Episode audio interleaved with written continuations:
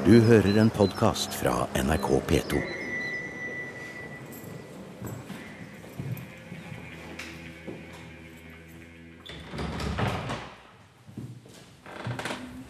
Du kjente Bødker, du? Um, for å være ærlig, var det hun som sa at 'du er min fjerde mann'.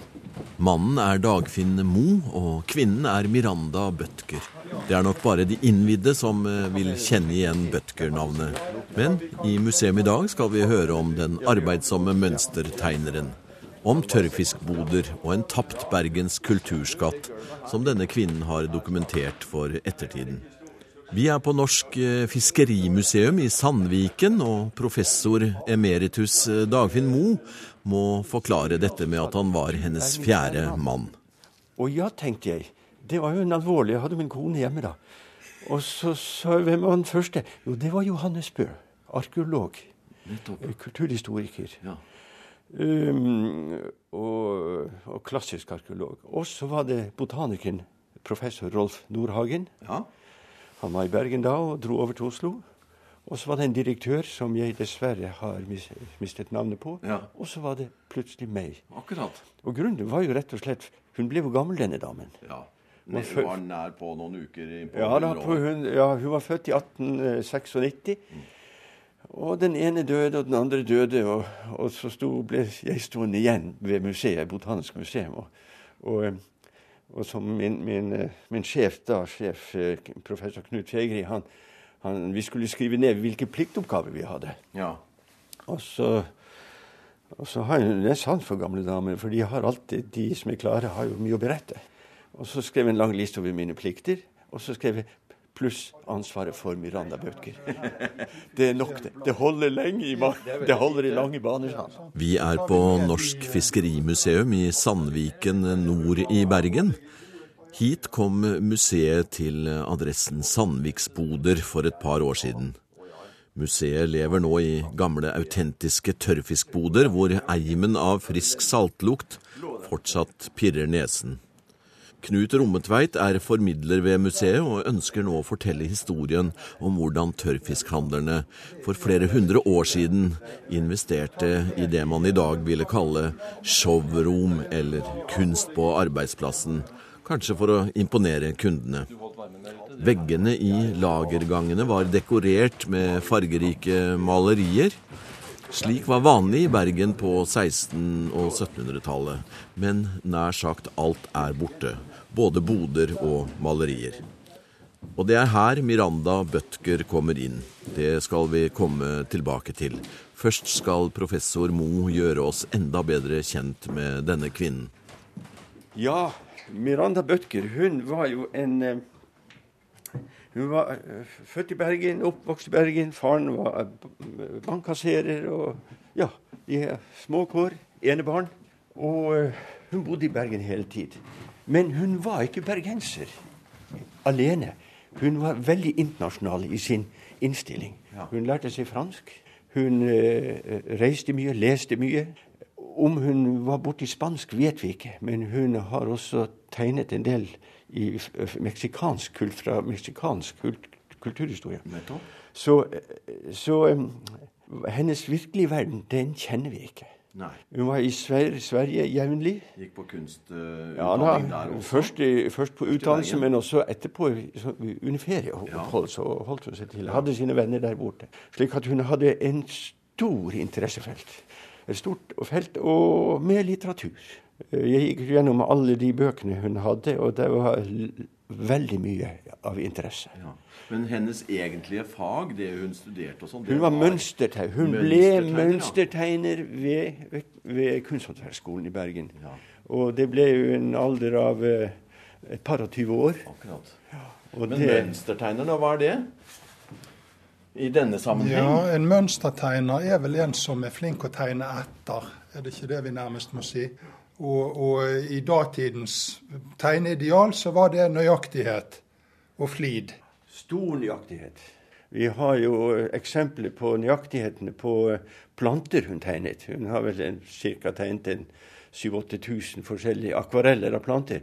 Og der er hårene eh, små kjertelhår og, og alle mulige på blader og kronblader og sågar eh, eh, Altså det er så minutiøse detaljer at man må bruke lupe for å finne dem igjen i dag. Akkurat. Ja, og, Så detaljert var det. Og botanikk, det er jo ditt fag. Ja, det er mitt fag. Og det der jeg vet det, hvor presist hun har tegnet til. Og man kan godt forstørre opp en tegning både én og to og tre og fire ganger.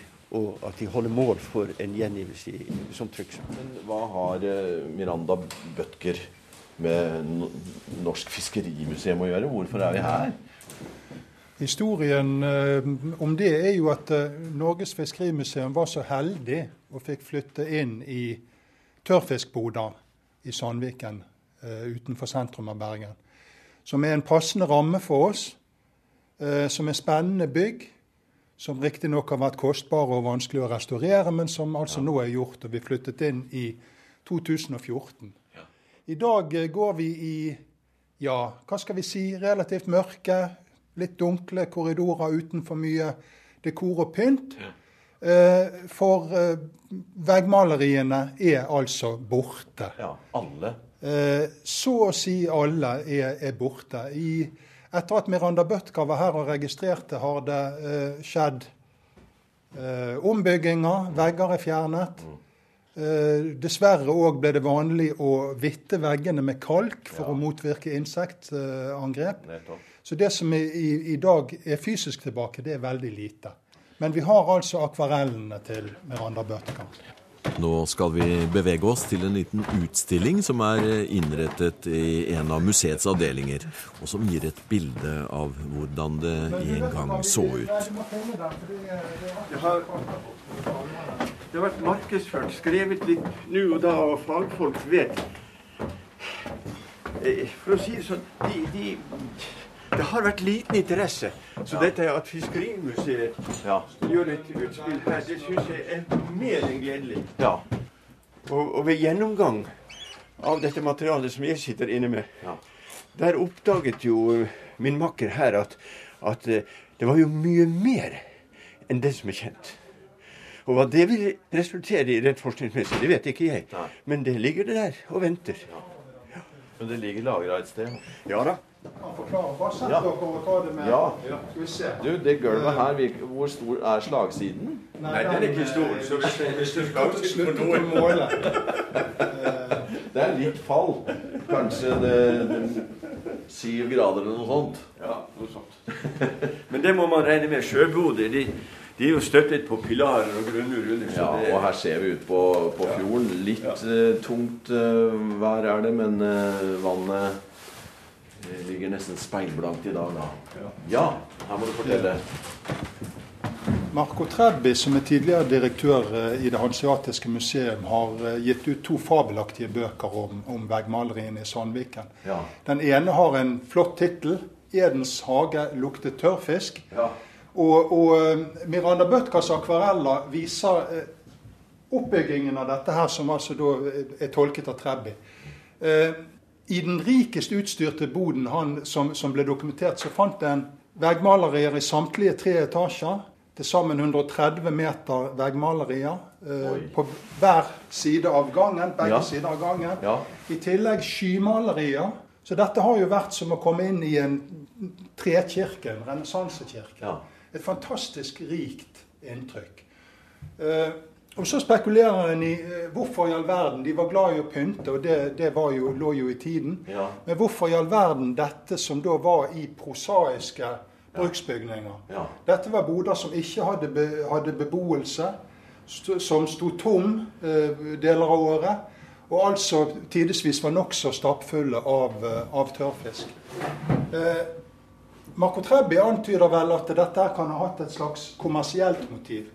For når en analyserer bruken, så er det altså sånn at eh, besøkende, gjester som kom til boden, folk som skulle handle med firmaet, Nettopp. de ble ført gjennom en fantastisk scenografi. Oh, ja. Et teatralsk system hvor altså en måtte gå langs alle maleriene. Trapper og, og, og slikt. Nettopp. var tillaget sånn at du som håper å si, kunde på besøk til, Ja. til kjøpmannen faktisk måtte bli eksponert for alt dette her. Nettopp. Det er nett, nesten et slags, det er barokt, en barokk idé. Det er nesten et slags mini-Versailles, Ja. Solkongen.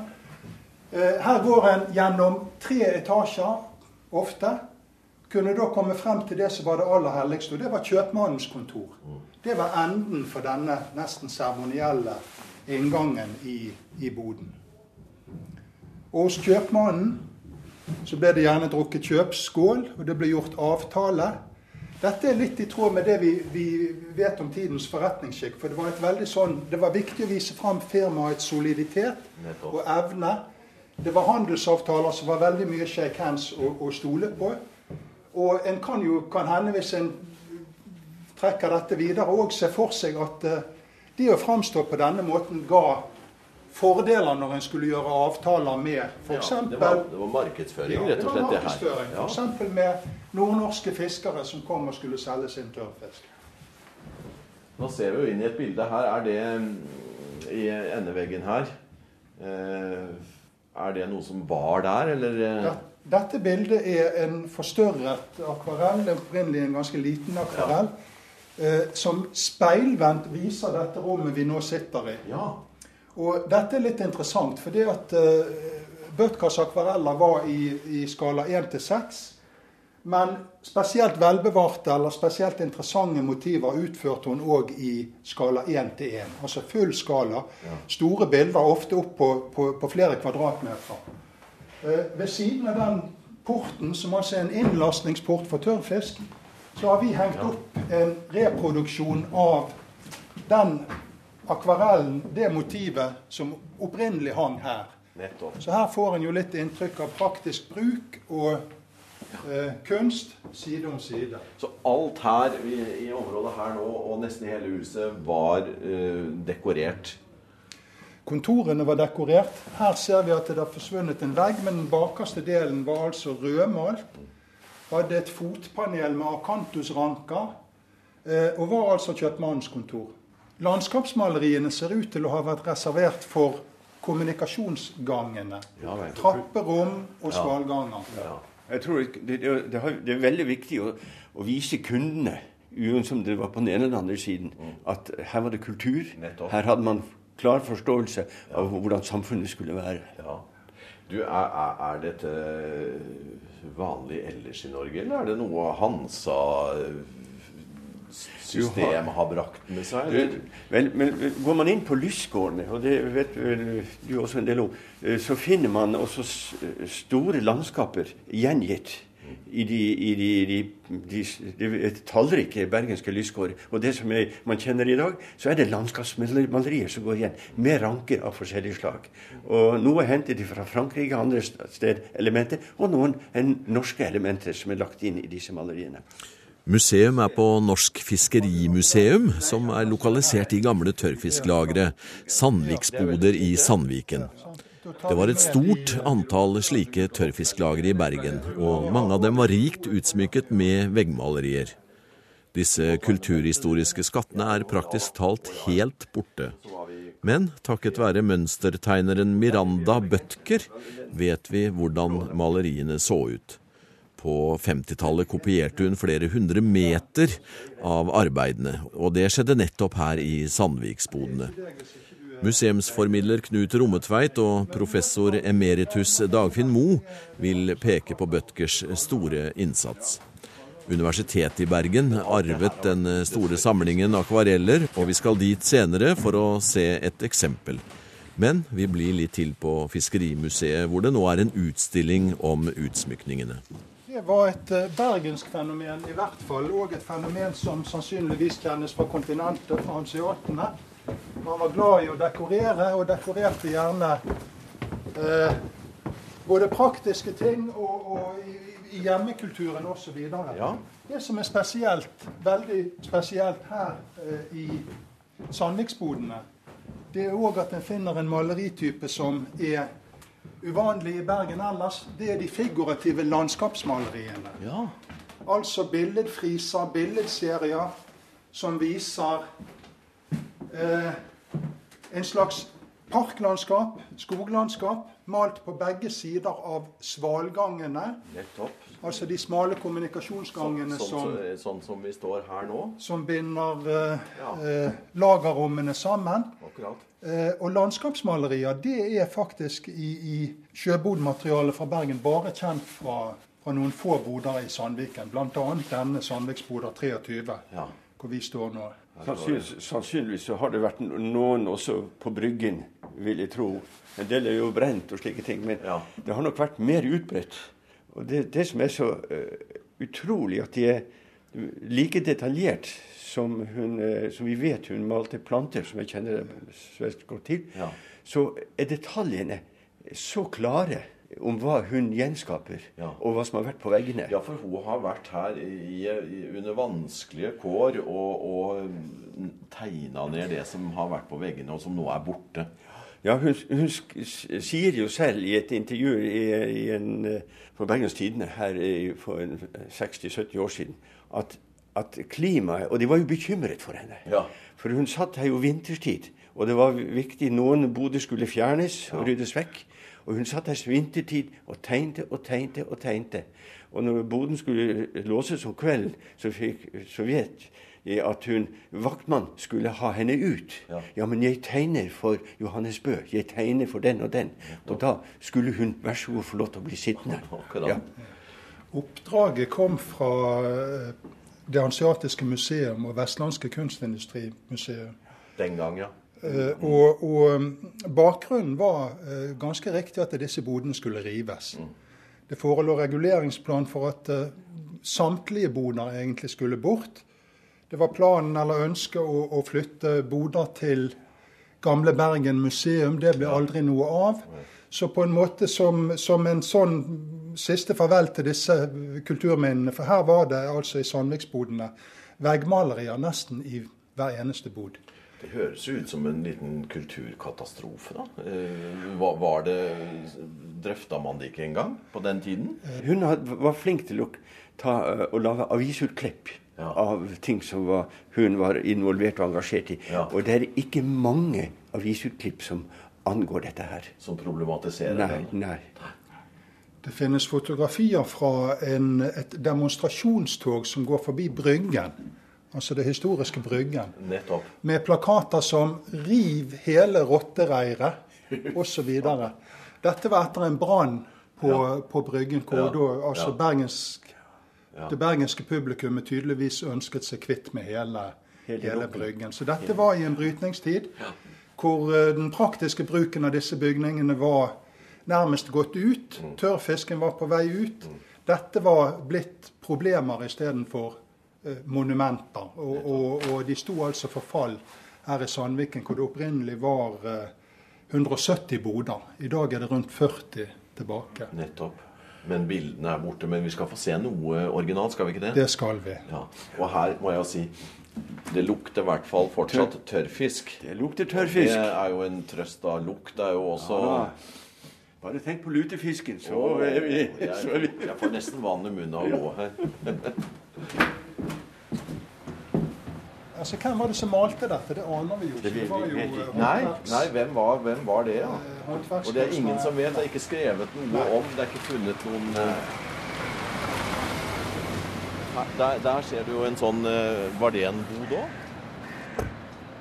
Hele veien fra Fisketorget og ut til Nordnes var det jo tett med, med tørrfiskboder.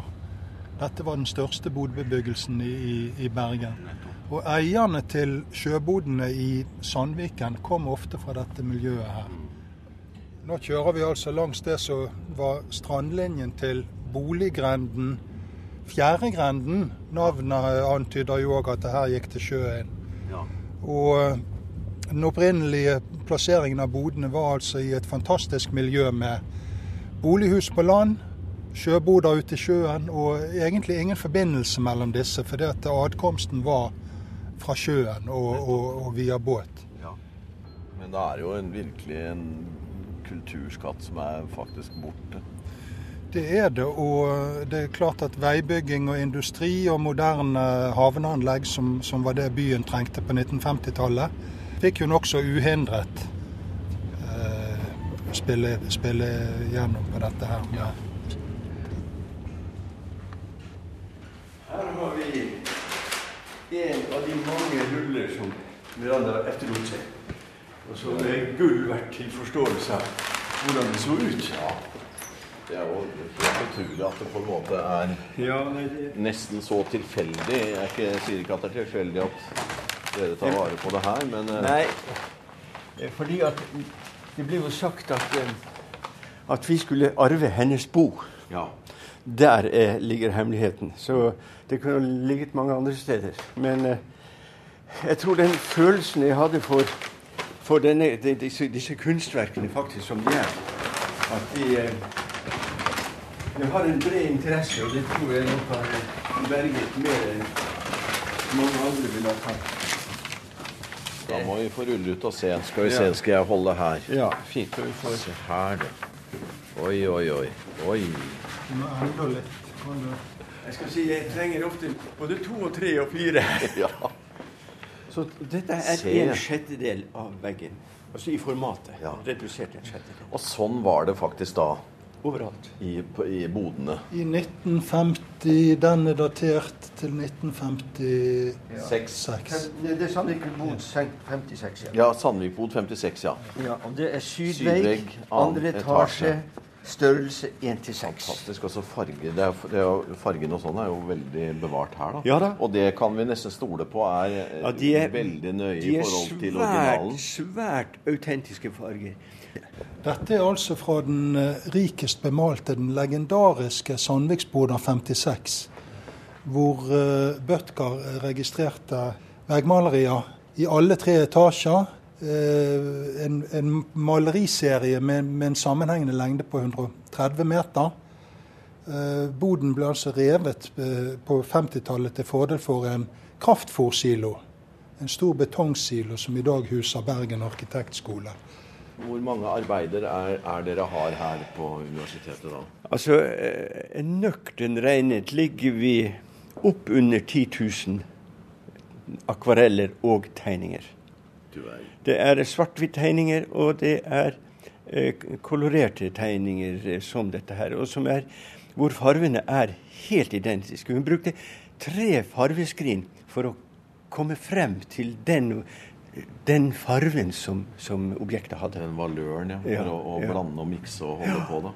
Så, eh, så sånn sett så kunne man jo faktisk ha bygd opp en Sandvik-bod igjen og brukt disse tegningene og, og fått det helt intakt. Vi skal tilbake til Fiskerimuseet i Sandviksboder, og så skal vi opp i en svalgang og se de ytterst få rester som er igjen etter eh, originalmaleriene, som kan være par 300 år gamle. Denne veggen, som altså faktisk er noe av det vi kan Vise som, vise, som vise som fysisk, fysisk bevart, Ja. det er ved hjelp av fantasi, og det er ved hjelp av Miranda Bødker at vi kan, Ja. kan lese det. Men du, når en går nærmere her, en ser jo Er det et øye, eller er det Og en nese der, f.eks.? Dette er, dette er et fantastisk bilde. Gjengitt eh, hos Bødker så kan vi altså se at dette er kjøpmannen Ja. og hans kone. Ja. De er ute og spaserer. Han holder armen fint fram og har en spaserstokk. Hun holder han i armen. Og de er altså ute og går tur i det som er et parklandskap. Her finner vi trær, her finner vi slott og tårn. Det er en registrator fra 1930-tallet, eh, som altså var før Bødker, som beskriver at her var det både krokodille, ulv og hest, pluss en stor svanedam med ender og svaner i. Et veldig rikt, et veldig tapetaktig, for dette ligner jo på de tapetene en kunne ha i, i, eh, i bolighusene. Eh, Et, et veldig rikt motiv. Her ser vi fremdeles en falk. ja. En På vei ned. Ja. stuper ned Stuper, mot, ja. eh, mot uh, jorda. Dette er en bod fra 1600-tallet. Uh, maleriene er sannsynligvis yngre. Eh, lar seg vel datere til siste del av 1700-tallet. Siste halvpart av 1700-tallet. Og Dagfinn Moe, eh, du som er hagehistoriker, og som kjenner disse motivene som, som dukker opp i bodene, er det mulig å datere disse maleriene ut ifra en hagehistorisk Ja, de, deler av dem er svært interessante. For vi har et eksempel eh, som er gjengitt i en bok eh, som vi har skrevet om Miranda Bødker. Det er påvirkninger som kunstneren har hatt av kinesisk hagekunst. Og der er det klippete, klippete busker og klippete trær. Der er paviljonger med svingete tak, utsvingete tak, og elementer som vi knytter til eh, kinesisk hagekunst. Akkurat. Er det litt sånn bonsai? Er det det det Eh, heter? Ja, blant annet. da, Akkurat. Ja. Og, og, der, eh, og vi vet at eh, tidligere Klaus Fasting, han ble han, kjent i Bergen, han skrev en egen artikkel om den kinesiske hagekunst på eh, ca. 1770-tallet. Og da var det Han hadde laget en egen avis, og han skrev om dette her og for å lansere det til, byens borgere. Og en del av det, dette med paviljonger og slike ting, det ble godtatt av borgerskapet. Så det etter hvert begynte å komme. Og vi har fremdeles en del paviljonger som har det preget. Så, så midten av 1700-tallet, eh, der omkring, der regner vi med at eh, iallfall i fransk eller europeisk kultur, at vi har den kinesiske kunsten tilgjengelig. Og den har vi altså her. Du har hørt en podkast fra NRK P2. Send gjerne en e-post til museum krøllalfa nrk.no.